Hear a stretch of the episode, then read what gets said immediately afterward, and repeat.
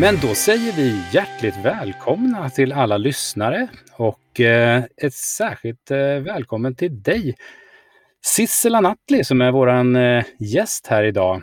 Och eh, ja, jag tänkte vi kan börja med att eh, lite kort ifall du vill presentera dig själv och vem du är och varför du är här. Ja, det gör jag supergärna. Tack för välkomnandet. Det känns jättekul att, att få prata med er smartisar. Eh, så upplever jag det. Ehm, jag har min bakgrund från eh, forskningsvärlden inom kognitiv neurovetenskap. Så att hur hjärnan fungerar, vad som händer när vi tänker på olika saker, särskilt då med ett utvecklingsperspektiv. Eh, vad händer när barn får mera hjärnkapacitet och vilken ordning kommer det och, och, vad händer då i hjärnan och hur påverkas det här? Kan vi, kan vi påverka det eller är det förutbestämt med generna och så vidare? Eh, ja, och så det har varit liksom den eh, akademiska bakgrunden. Sen så har jag ju också då eh, en annan del av, av mitt liv och personlighet är ju dragningen till eh, kulturen. Um, så det har jag fått nöjet och verkligen privilegiet att förkovra mig i, i kombination med vetenskapen de senaste åren. Eh, så jag driver eh, tillsammans med gamla Uppsala spexare får vi faktiskt säga att det är. Eh, en ideell förening som heter Arts and Hearts sedan några år tillbaka, där vi försöker förena kulturens kraft med samhällsnytta. Um, och de senaste åren har vi drivit ett projekt som heter Det syns inte, där vi försöker uh, på ett liksom, lite nytt sätt, tycker vi då, uh, lyfta frågan om psykisk ohälsa hos unga genom att Eh, beröra med hjälp av kultur. Så att vi hade en, en, musikal initialt som har utvecklats till allt möjligt annat inom ramen för det här projektet. Men musikalen, det syns inte, som sen byggdes ut till att också innefatta en föreläsning om hjärnan och psykisk ohälsa och vad man själv kan göra för att påverka det. Ehm, så det är jag högst inblandad i eh, än idag. Och ja, det, det var en lång intro, men det behövde sägas. det var en välförtjänt lång intro efter ett långt framgångsrikt liv. Synnerligen bra och eh, väl inramat. Tack så hemskt mycket. Ja, och för att rama in lite grann eh, vad, vad vi gör här tillsammans så är det ju så att den här delen av eh, min och Henriks eh, podd eh, har vi valt att ägna en, en, en serie avsnitt åt eh, samtalet, det goda samtalet och framförallt det goda samtalet i sociala medier. Och med utgångspunkten mera i frågan så här, är det möjligt att ha ett gott samtal? I sådana fall under vilka förutsättningar? Hur skapar man det och hur kan vi så att säga, hjälpas åt och bidra till det? Och eh, det är ju delvis därför som vi har velat ha dig hit också Sissela, för att just eh, din eh, förståelse dels för hur vi, hur vi fungerar Eh, våra hjärnor fungerar och, och kognitivt och sådär. Och även utifrån ett utvecklingsperspektiv, men väldigt just det här att en stor del av den samtalsmiljön som du också rör dig i är ju mycket de sociala medierna. Och eh, jag känner mig väldigt eh, glad och tacksam att du är här och att vi är här och eh, även att du är här Henrik. Hur mår du idag och eh, hur känner du inför det här samtalet? Eh, ja, jag mår jättebra, tack Ola. Vi känner ju varandra sedan Uppsala-tiden allihopa och jag har ju med spänning följt Sisselas eh, arbete som jag tycker är superspännande av en massa olika skäl. Så att jag ska försöka eh, inte prata för mycket och ställa för många frågor här, utan, men vi får se. Hur, hur mår du, Ola? Jo, men jag, jag mår väldigt bra. Det är mycket roligt som händer just nu och eh, det här är en av de roliga sakerna, att faktiskt eh, eh den här poddserien är igång, att vi får ha det här samtalet och jag tycker det känns väldigt kul.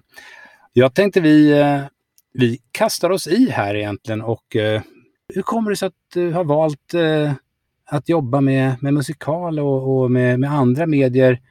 Ehm, och i relation till det, så att säga, just det här med ehm, hur ser du på sociala medier rent generellt som en, som en plattform för, för att samtala? Sociala medier är ju ett eh, enormt kraftfullt verktyg för att samtala på ett sätt som vi aldrig någonsin har haft möjlighet till förut. Ehm, både av eh, hur snabbt saker och ting kan sprida sig, men också eh, de geografiska liksom, begränsningar som annars infinner sig och så vidare. Det finns ju hur många aspekter som helst som är givna. Ehm, men det finns ju också eh, någonting i tempot som gör att det finns eh, en risk eh, att det blir ganska snabba slutsatser. Det blir eh, one click eh, stories som man bara eh, med sitt lilla tumgillande antingen bekräftar eller ignorerar. Och algoritmerna som spär på det här som gör att vi tar del av saker som vi är intresserade av och är mer sannolika att vi kommer bli engagerade i. Men det i sig betyder ju att vi bara bekräftar det som vi redan vet, det som ofta kallas som ja, men, kognitiv bias. Alltså att vi, en bekräftelse bias om att man, man vet redan, man får mer av det som man redan tycker.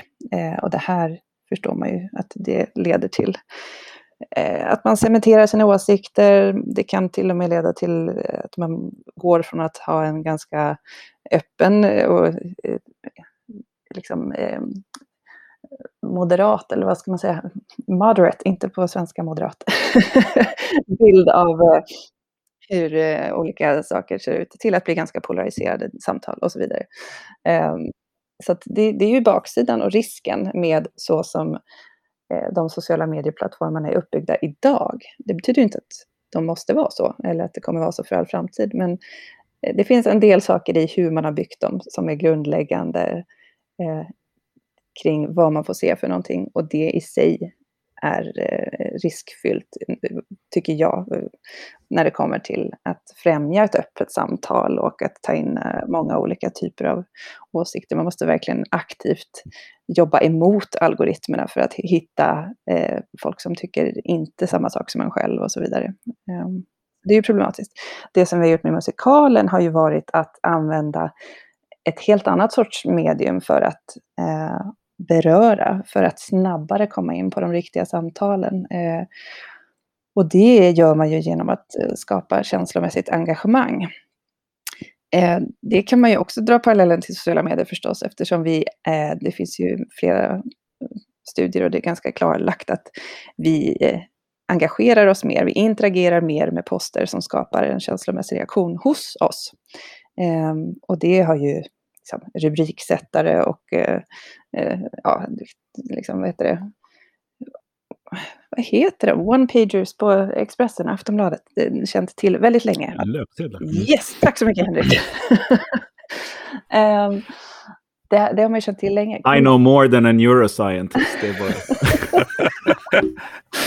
ja, eh, jag har nyligen fyllt 40 alltså jag medveten om min kognitiv decline-resa som är eh, intensifierad. Jag vet inte vad, ja, jag antar att ni också är på den resan, men eh, det, det infinner sig ibland.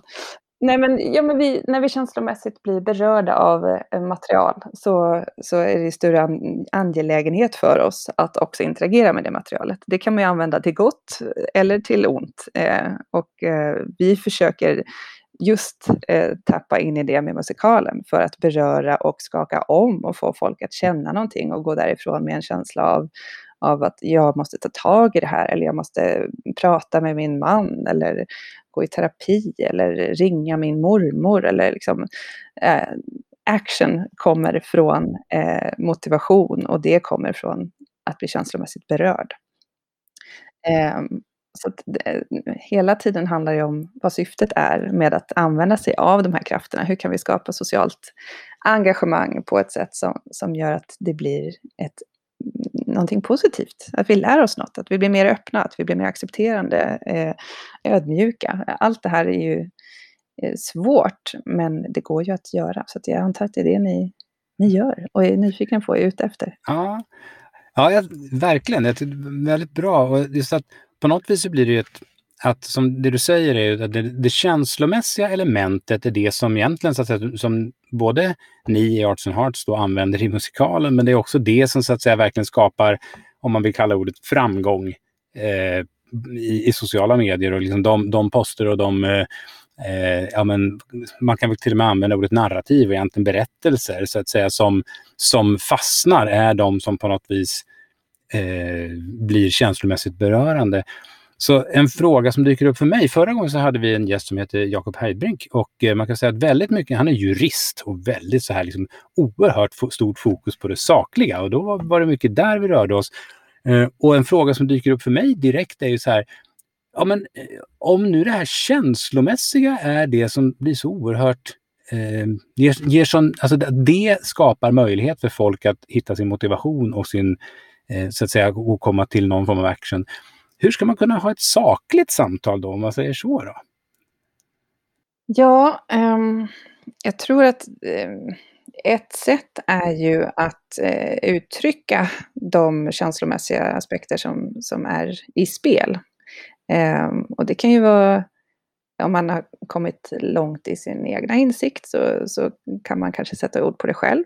Och annars att hjälpa varandra att eh, sätta ord på det som skulle kunna vara det som skulle kunna vara en känslomässig eh, svårighet i ett samtal eh, genom att ja, men, labla, eh, sätta ord på känslor. Och det här är ju en, en grundläggande eh, förmåga som är väldigt avgörande för vårt eget välmående, som man egentligen skulle behöva träna på från ja, så fort man har ett språk. Ehm, där vi som är vuxna kan hjälpa barn att säga, oj, jag förstår att det gjorde ont när du slog tån i bordsbenet aj, aj, aj, jag skulle också ha ont om det där hände med mig. Att man fortsätter att eh, hjälpa barn och vuxna att sätta ord på känslor. Det är ju ett sätt att sen då, när man ska ha de här sakliga samtalen, undanröja eh, det där bara geggiga orosmassan av det är någonting som är jobbigt i den här situationen och jag vet inte vad det är. Kan man säga, ah, du är orolig eller du, du känner igen dig i den här situationen eh, och du är orolig att det ska uppfattas som att du är på det här sättet. Eh, så kan man åtminstone säga, nej men då har vi lagt det på bordet, det är inte det. Jag förstår att du kan tänka så här, det finns andra som känner så här. Vad har vi kvar på bordet? Liksom? Så mycket handlar om att sätta ord på de där eh, känslomässiga gegg-grejerna. Som utan ord så blir det bara gegga och någonting som är i vägen, som är olustigt. En, jag tänkte där, när du... Oj, nu ska jag försöka strukturera. Det här är en komplex fråga. Vi får se om jag får in allting i en fråga. Därför att du håller på med utveckling. Och nu sitter vi här, vi är ungefär samma ålder eh, allihopa här. Vi är lite, några år äldre kanske då, men, men eh, vi är samma generation. Och vi pratar eh, ofta, eller jag pratar i alla fall ofta med folk som är också ungefär samma generation. Eh, och sen tittar jag på hur mina barn som är liksom sju och tio år använder, de använder inte sociala medier på det sättet, men de har ju lite så messenger kids med sina närmaste vänner och sånt där. Och ibland får jag känslan att de är mycket bättre på det här än vad vi är, kanske för att de har växt upp i den här miljön så att säga. Ehm, kan man tänka sig att de här, finns det något hopp i om vi kombinerar de här två sakerna du har sagt nu, du säger liksom att det här, de här medierna, det går så snabbt, de triggar de här känslomässiga reaktionerna väldigt mycket. Och också att vi kan lära oss att sätta ord på våra känslor och så. Kan det vara så att det liksom att den här miljön tränar oss på att upptäcka att oj, här blev det känslor. Eh, det här måste vi lära oss att navigera. Va, vad har du sett om något i din, i din egen och andras forskning kring, liksom, blir vi bättre på det här generationellt alltså? För jag menar, alla lär sig väl som individer, men finns det något hopp där att, att det här är liksom en övergående fas där det är vi gamla stofiler som liksom eh, inte som, som ragear på sociala medier, men, men kidsen har redan lärt sig det här så att säga? Um, jag tror att det finns Eh, både hopp eh, och vissa saker som är ganska svåra att förändra för att de är rent eh, evolutionärt ganska cementerade i hur vi kommer att reagera instinktivt när vi är med om olika saker. Och det, det rör ju bland annat bilder som vi ser. Vi har väldigt svårt att med våra kloka, analytiska pannlobsfunktioner eh, direkt koppla på det när vi ser, ja men för, eh, alltså mest för kvinnor, men det finns studier som visar att detsamma gäller män egentligen. När vi ser orealistiska skönhetsideal till exempel, så gör vi en visuell scan av det här och instinktivt och omedelbart eh, jämför oss. Och om det här är ett ideal som vi har förstått att det här är eftersträvansvärt och jag har inte det här, så slår vi också på rädsloområden i hjärnan, eh, eller ångest. Eh, och det är svårt att värja sig mot genom att eh, vara medveten om det. Och det ser man bland annat i studier då som också visar att den här bilden är manipulerad. Det finns en, en label på, en stor och tydlig liksom, skylt. Det här är en photoshoppad bild, eh, ej realistiskt. Det spelar ingen roll. Eh, vi får ändå samma eh, känslomässiga reaktion och det går lika snabbt ändå. Sen kan man efteråt då koppla på sina kognitiva eh, pannlobsfunktioner och säga ah, det är en manipulerad bild och egentligen ser hon inte ut sådär och bla bla bla. Men skadan är redan gjord, eller man ska säga. Man har redan haft den här känslomässiga reaktionen och har ändå cementerat bilden av det är så där samhället vill att jag ska se ut och jag gör inte det. Eh, men sen kan man ju ha en massa copingstrategier för sig för att hantera de här reaktionerna. Och det är ganska, eh, eh, eller det är väldigt lärbart. Det är ju, det är ju bara att träna på att här, när man känner de där känslorna, vad kan man göra i det läget för att snabbt komma tillbaka upp till en baseline och inte gå in i en loop av jag hatar mig själv, jag är sämst, jag är värdelös, jag borde inte finnas, bla bla bla. Det som man kan göra då, som verkar fungera ganska bra, är ju att rikta sin tankekraft till saker som man är tacksam för, eller till relationer som man uppskattar, eller händelser som man minns med positiva känslor. Eh, och där kanske nästa generation eh, med vår hjälp och forskningsinsikter och allt möjligt kan bli eh, snabbare och smartare och få bättre verktyg för att inte hamna i, i liksom destruktiva eh, spiraler tankemässigt. Eh. Mm.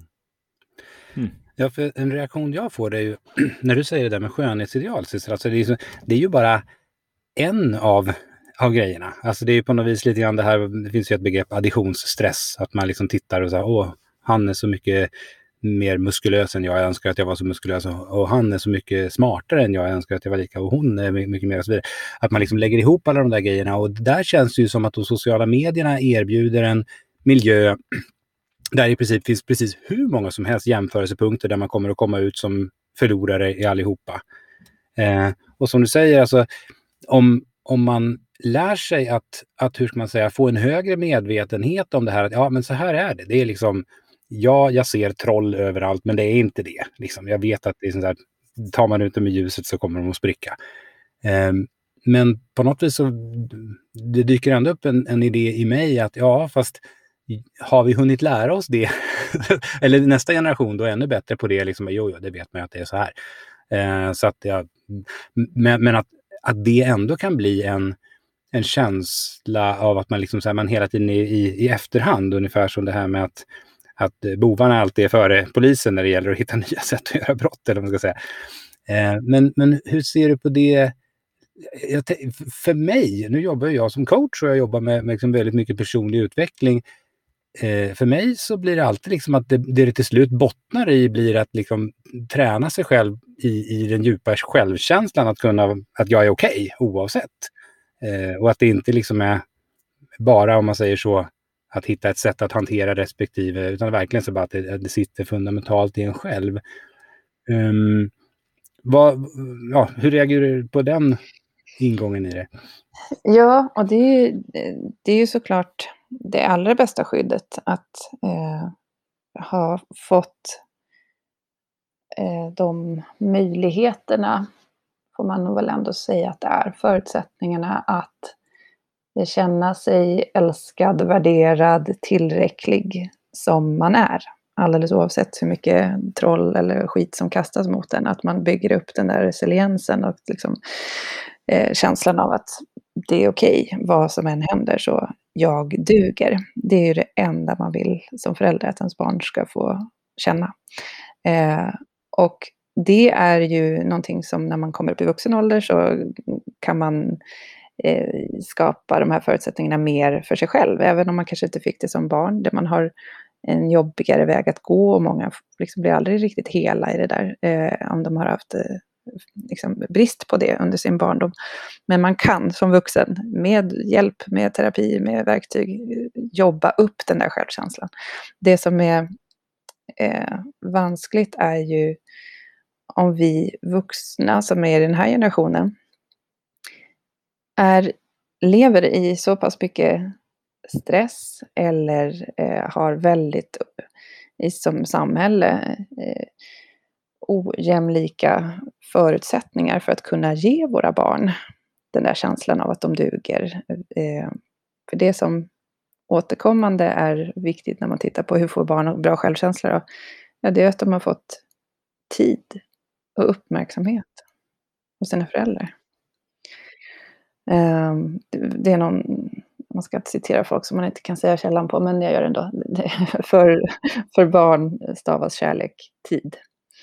Ehm, och för nu, numera får man ju lägga till, det räcker inte med tid. Det är uppmärksamhet som är det egentligen. För om jag står där eh, och har hämtat mitt barn i skolan och eh, I'm showing up liksom, men jag är på telefonen. Eh, jag har fått eh, flera eh, härliga uppvaknande käftsmällar från båda barnen som riktigt utvecklat verbalt uttrycker sig sådär som man bara wow, du är sju. Mamma, när du tittar på mobilen så känns det som du inte lyssnar. Jag känner mig ensam när du är på mobilen och vi tittar på film. Du vet de där som man bara ja, det är klart. Det, det räcker inte att jag sitter här i soffan. Jag måste titta, vara närvarande, ställa frågor, vara engagerad. Annars är det inte, det räknas inte riktigt liksom. Det här är en lång eh, utläggning som eh, potentiellt är väldigt eh, eh skuld och liksom, beläggande för alla föräldrar i vår generation som, som lever i eh, i den eh, samhällstid som vi gör. Alltså vi är uppslukade, vi har många bollar i luften, det är mycket som drar i oss och man eh, eh, känner sig alltid otillräcklig. Skulle jag säga att många gör. Jag ska inte säga att man gör det och alla gör det, men många känner sig eh, otillräckliga, som att 24 timmar inte är nog och man, eh, man är sämst på jobbet, man är sämst förälder, man är, har inte liksom den där härliga stunderna med sin partner som man vill ha. Att det finns en massa aspekter där man inte är tillräcklig. Och eh, föräldraskapet är ju en av de absolut största eh, liksom, källorna till att känna sig otillräcklig, där man också är orolig för vad betyder det här? Vad betyder det för mina barn om jag inte eh, ger dem tillräckligt mycket tid och uppmärksamhet? Eh, kommer de få eh, en sämre självkänsla, kommer de att utveckla psykisk ohälsa, allt det här. Liksom. Jag tror att många, många eh, föräldrar kämpar med den känslan. Och där är det så viktigt att förstå att det, vi har en massa eh, evolutionära liksom, partiskheter som drar oss in i olika saker olika lätt. Och, och eh, det är inte, man är inte sämst för att man scrollar i mobilen. Man, är inte, man har inte dålig självkontroll för att man eh, inte har lätt att kontrollera det här, utan det här är kombinationen av hur evolutionen har utvecklat våra hjärnor tillsammans med hur mycket av den teknik som vi använder, de plattformar som vi är på, eh, är designade. Och det är svårt för oss att bara eh, med vilja eh, avsluta. Det krävs eh, Eh, strategi, kunskap, planering och att man skapar rätt förutsättningar för sig själv för att kunna lyckas i de här lägena. Och jag kämpar precis som alla andra med det här varje dag. Så nu ska jag vara närvarande, nu ska jag vara närvarande förälder. Hur gör jag? Jo, jag måste faktiskt lägga mobilen där borta. För att om den är precis här bredvid mig och vi sitter här och pysslar, jag kommer plocka upp den. Och det kommer påverka vår interaktion. Ja, spännande. Det där känner man igen sig i, alltså. Och det här med barn som... Eh, Ja, men call it out, liksom på ett sätt som inte går att förneka. Är, man är ju tur ibland att man... Jag brukar tänka på det som, eh, eh alltså bara på min arbetsplats, där, ju, eh, där jag liksom är, eh, är chef och har privilegiet att ha medarbetare som bara säger åt mig, när jag, nu säger det där var helt, nu är du helt ute och cyklar alltså, det här får du, Eh, det, det, är ett privilegium att ha barn som säger åt en när man liksom inte vet vad man håller på med. Men det är klart att det hugger i magen också, för man inser så här, oj, ja, så där har jag hållit på nu i två år. Och det kan vara lätt att vilja liksom trycka ner den, den känslan och inte dela med den. Men det här är ju superspännande. Jag har tänkt på det här med den här device, alltså det är ju apparaten, mobilen, du säger man måste lägga ifrån sig mobilen. Jag menar, det, tror jag, det tror jag extremt mycket på.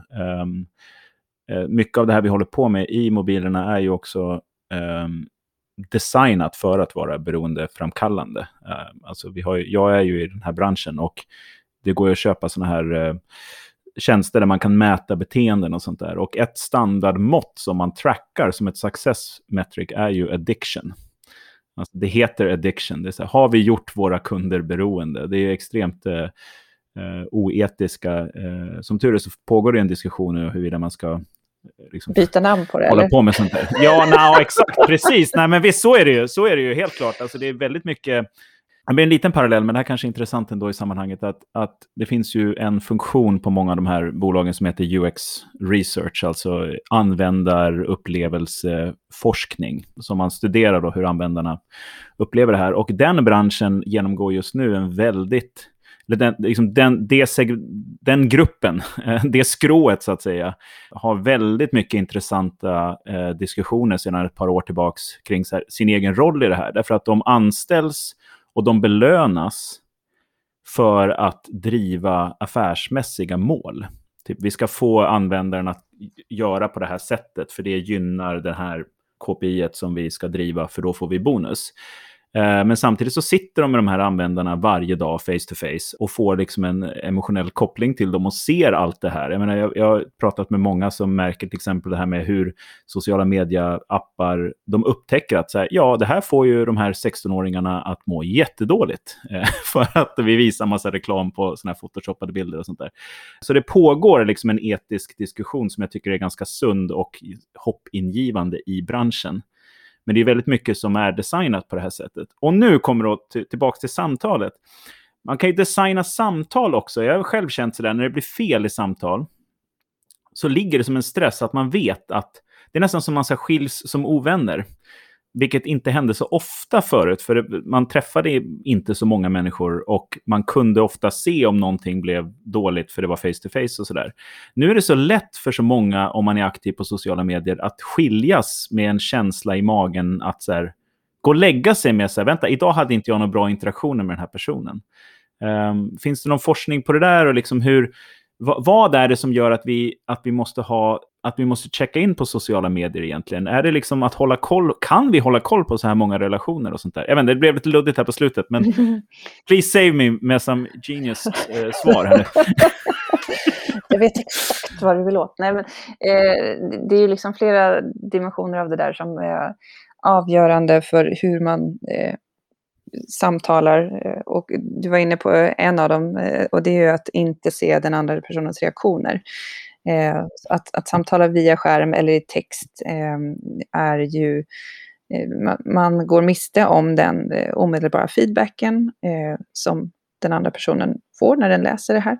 Och ehm, det finns både såklart fördelar och nackdelar med det. Ehm, har man varit lite hård i tonen eller det finns risk för en missuppfattning. Och så, det är klart att det kan göra att personen får en dålig känsla och man aldrig får egentligen chansen att uppfatta det eh, och eh, ändra eller liksom korrigera, förklara vidare vad man egentligen menade. Eh, det som kan vara positivt är, och det finns det forskning på, att hetsiga samtal eh, IRL förs oftast mellan samma typ av personlighetstyper. Det är extroverta som ger sig in i de konversationerna, som är redo att eh, liksom, föra sin talan även inför andra. Och, eh, då har man redan liksom, kanske hög social status, man eh, går in i eh, konversationer som man känner sig påläst på eller som man vill dominera inom på något sätt.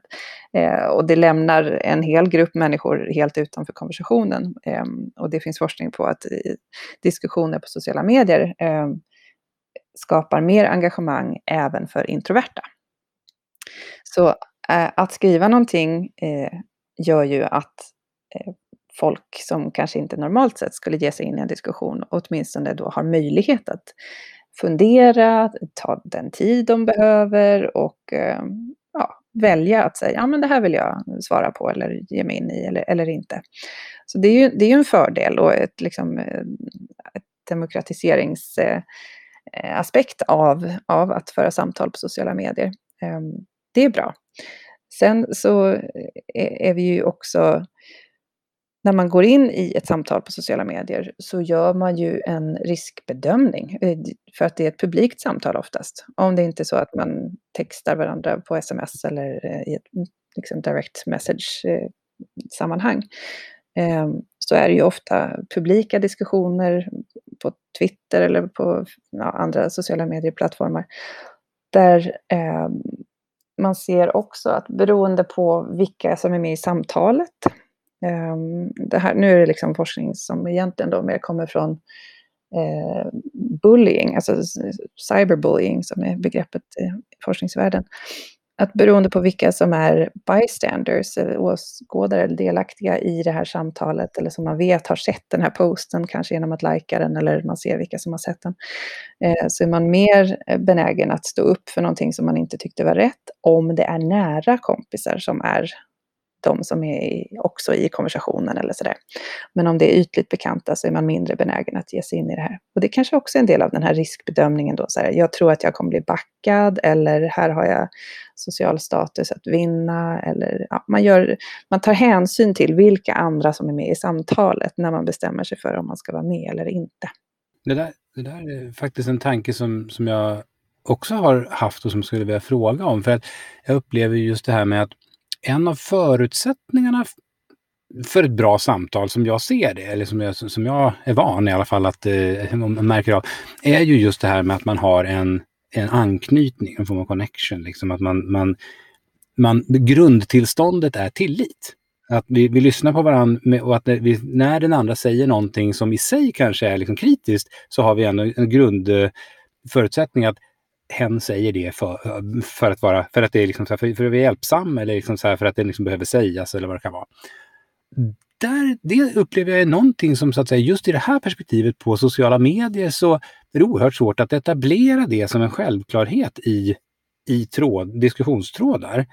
Eh, att det där liksom grundtillståndet är att här försöker vi hitta någonting tillsammans. Vi, vi hjälps åt att komma närmare någonting. Eh, och jag bara funderar på vad, vad, är det som gör att det blir så svårt i de här sammanhangen? Eh, om det är svårt. Alltså, jag tyckte det var lite så intressant just utifrån perspektivet så att vi, vi vet att vi har en befintlig relation. Då, då, det ingår i riskanalysen för att se ifall vi kommer att bli backade eller inte. Och då är, det så här, ja, då är det inte argumenten eller liksom, så att säga, sakligheten i det, utan då är det liksom tillhörigheten och eh, har jag min crew här eller inte? Lite så. Mm.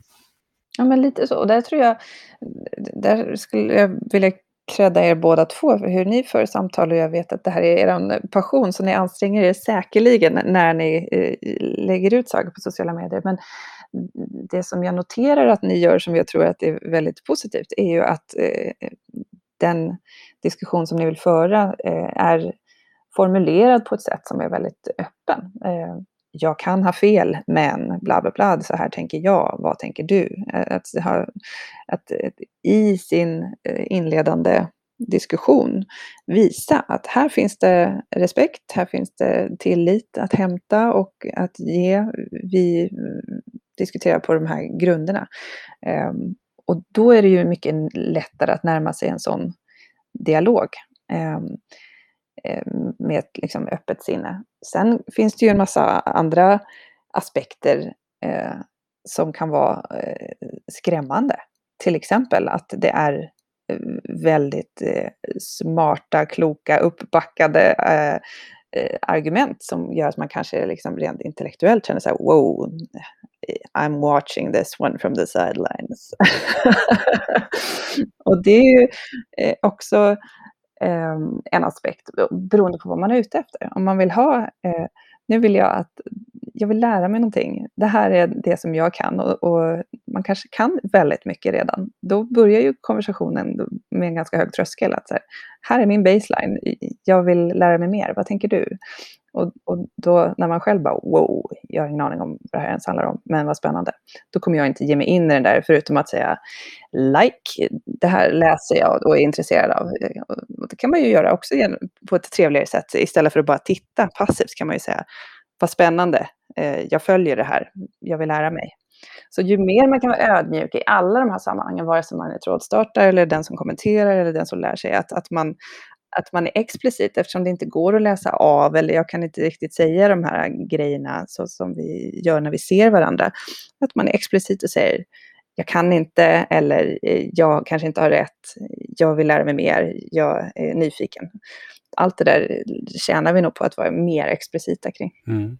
Ja, det där jag tycker det är jättebra. Jag fick just en insikt när du sa de här sakerna och det var väl just att eh, som du säger, om det är väldigt väl argumenterat eller liksom att, att, att, det, att det är en hög tröskel på något vis. Väldigt få människor vill ju skylta med sin okunnighet eller kän, liksom hamna i känslan att vara dum i huvudet. Eh, det, det är verkligen så och kanske i synnerhet då om vi pratar om eh, om, jag, på säga, jag tror att det, det nej, jag vet inte om det är värre för, för akademiker eller någon annan, men, men hur som helst.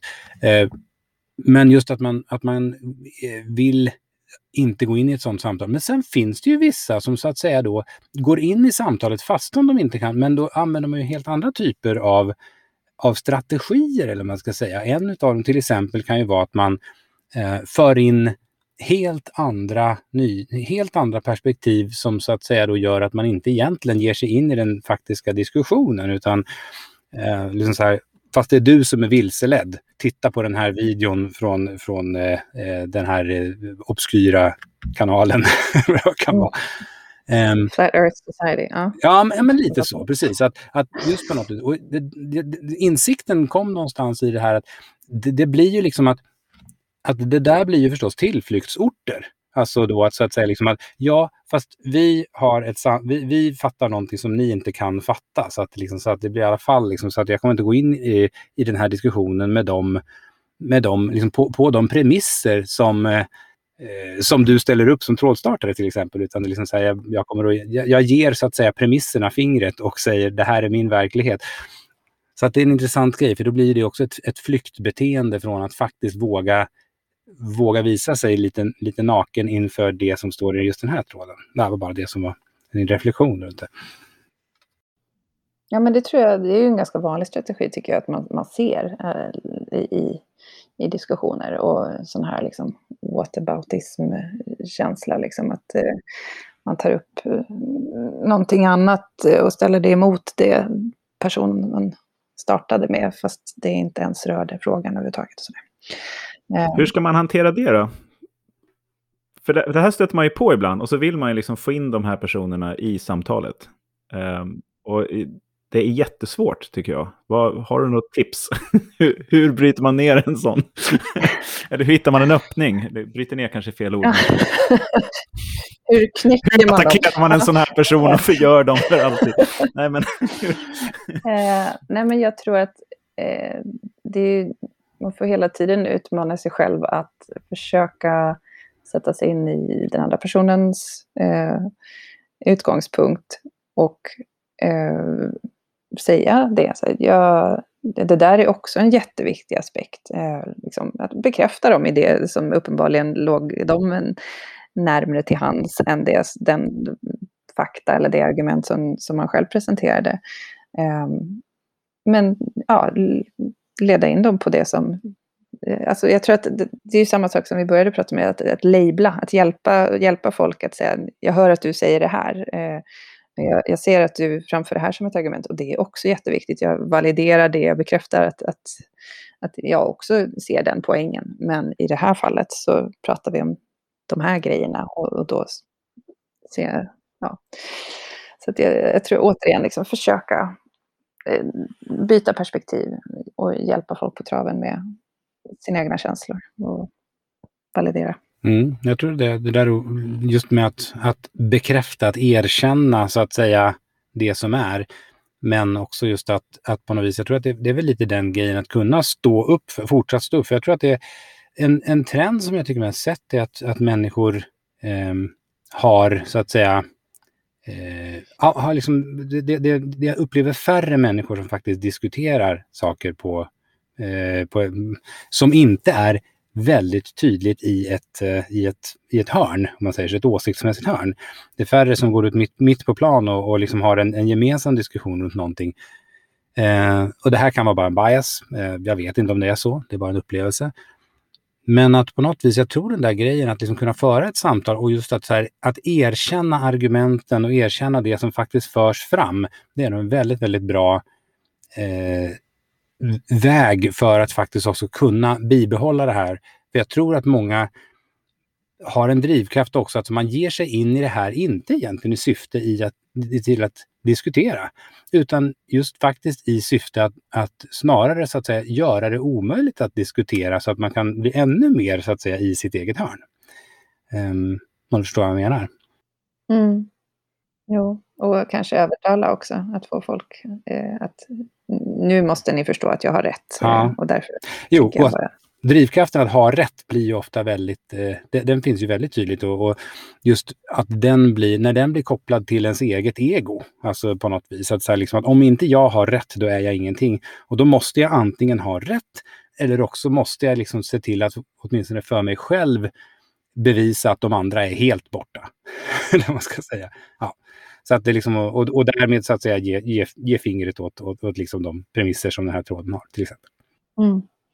Och där tror jag att det, det blir så himla eh, eh lätt på sådana här öppna diskussionsplattformar som sociala medier är, att man eh, kommer ifrån att diskutera sakfrågan och egentligen är mer angelägen om att se ut som man vinner striden. Eh, och då blir det ju ofta härskartekniker och eh, liksom lite fulspel. För att det är det enda som folk eh, tar med sig därifrån. Så här, vad, det är inte vem som hade rätt i sakfrågan, för de flesta kan inte bedöma det om de inte är väldigt insatta. Utan då är det så här, vem, vem vann fighten? Eh, vem klättrade i social status på den här diskussionen? Eh, och där måste man ju liksom verkligen krädda eh, folk som lyckas hålla lugnet, som lyckas eh, se förbi de här liksom, fulspelstrategierna och hela tiden bara återgå till att försöka hitta det som ni är ute efter, det goda samtalet, eh, trots att det sker en massa fulspel. Liksom. Det var, så du var ju väldigt snäll här och, och, och creddade oss för vårt sätt att göra det här på. Och så där. Men jag hade jättedålig, eh, jag var jättedålig på sociala medier igår. Jag misslyckades verkligen för att jag var raljant och så här, det blev inget bra. Eh, och då inser jag så här att det finns ett samband mellan, tror jag, det här är min teori nu, vi får se vad forskningen säger om något, kanske kan bli en framtida avhandling. Jag känner själv att det är så här, att det kräver enorma mängder energi och närvaro för att göra det här bra. Eh, och när man då ska prata, och, och de sakerna finns ofta inte i... Eh, eh det finns mycket mindre sånt tillgängligt i svåra frågor som man, som man oroar sig över. Alltså att man känner att det här är någonting som vi borde prata om, men vi gör inte det. Och och jag oroar mig över det, eller jag, jag, uppfattar här att här, har vi liksom, här för vi det här samtalet på fel sätt, eller vi missar vissa aspekter. Att då försöka föra in de aspekterna eh, blir... Det är så svårt att börja ha den här typen av diskussioner på det här, eh, på det här forumet. Och ofta när jag är som sämst på sociala medier så är det för att jag känner en sån nästan inlärd hopplöshet. Att det här har jag försökt nu, eh, det här har jag försökt liksom bryta in i under fyra års tid. Och sen så blir, får man nästan så här hämndkänslor när man får någon sån här eh, till liten, till liten sån här Haha! Vad var jag sa? Vad jag sa? här, kolla här nu! Så, men, men grejen är att man får ju aldrig den här... Det är ju så dumt och liksom infantilt för att man, man får ju aldrig bekräftelsen för det funkar ju inte. Det blir ju bara ytterligare ett bevis på att det här är omöjligt. Um, så, så det här, men där kanske man ska göra, man kanske ska göra en, en musikal det, är liksom, det kanske inte går, jag vet inte. Ja, Alltså, det, det kan vara slutsatsen med hela det här poddavsnittet skulle jag säga. Att de flesta frågor Gör en musikal. kräver, de, de, flesta svåra frågor kräver en musikal för att verkligen eh, komma till rätta med dem. Vad blir era medtag från den här sessionen? Eh, nej men jag är bara så glad och tacksam att ni, ni för de här dialogerna och att, eh, att jag fick vara med och bidra med det som jag kan liksom relatera till det här. Men jag uppskattar verkligen att ni eh, försöker öppna upp för eh, samtal som, som är nyfikna och inte dömande. Och jag tror att vi alla kan hjälpas åt ännu mer att föra de eh, samtalen vidare genom att ja, men sätta ord på känslor, att vara öppna och nyfikna i våra utgångspunkter och försöka hålla lugnet även när man känner att man börjar tappa varandra eller gå, kliva längre ifrån varandra i sin retorik. Att man eh, försöker eh, komma ihåg att just det, det här är nog känslomässiga grejer som står på spel här. Vad kan jag göra för att den andra personen ska känna sig lite närmre och lite mindre hotad av det som pågår just nu?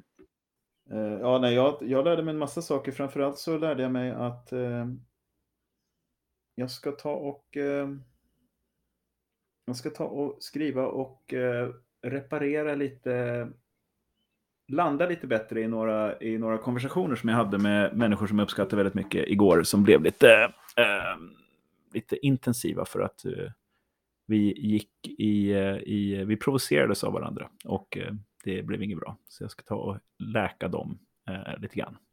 Um, så det var bra. Men du Sissela, det fanns ju, vi hade ju kunnat prata i, i, i eh, flera, alltså det här känns ju som typ, du kan vara gäst varje vecka. Um, Eh, om, man, om man vill intressera sig, om man liksom vill veta mer här, vill du pitcha lite, så här, lästips? Eh. Ja, gärna. Ehm, um, Detsyns.se är det projekt som vi inom Arts and Arts har drivit de senaste åren.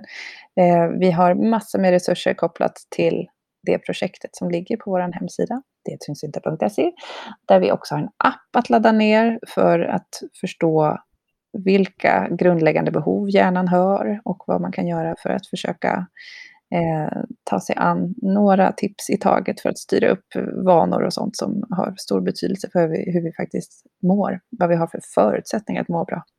Eh, så titta gärna på det, det finns en föräldraguide. Eh, vi kommer till hösten eh, 2021 släppa massa interaktivt videomaterial som jag bara längtar efter att få dela med världen. Ehm, så eh, ja, stay tuned.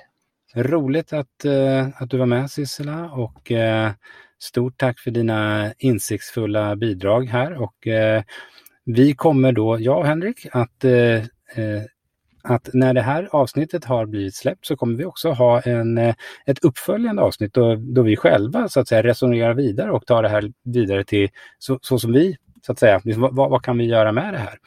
Så hoppas att du vill lyssna på det också och Tack så hemskt mycket för den här gången. Vi ses i andra sammanhang. Ha det gott!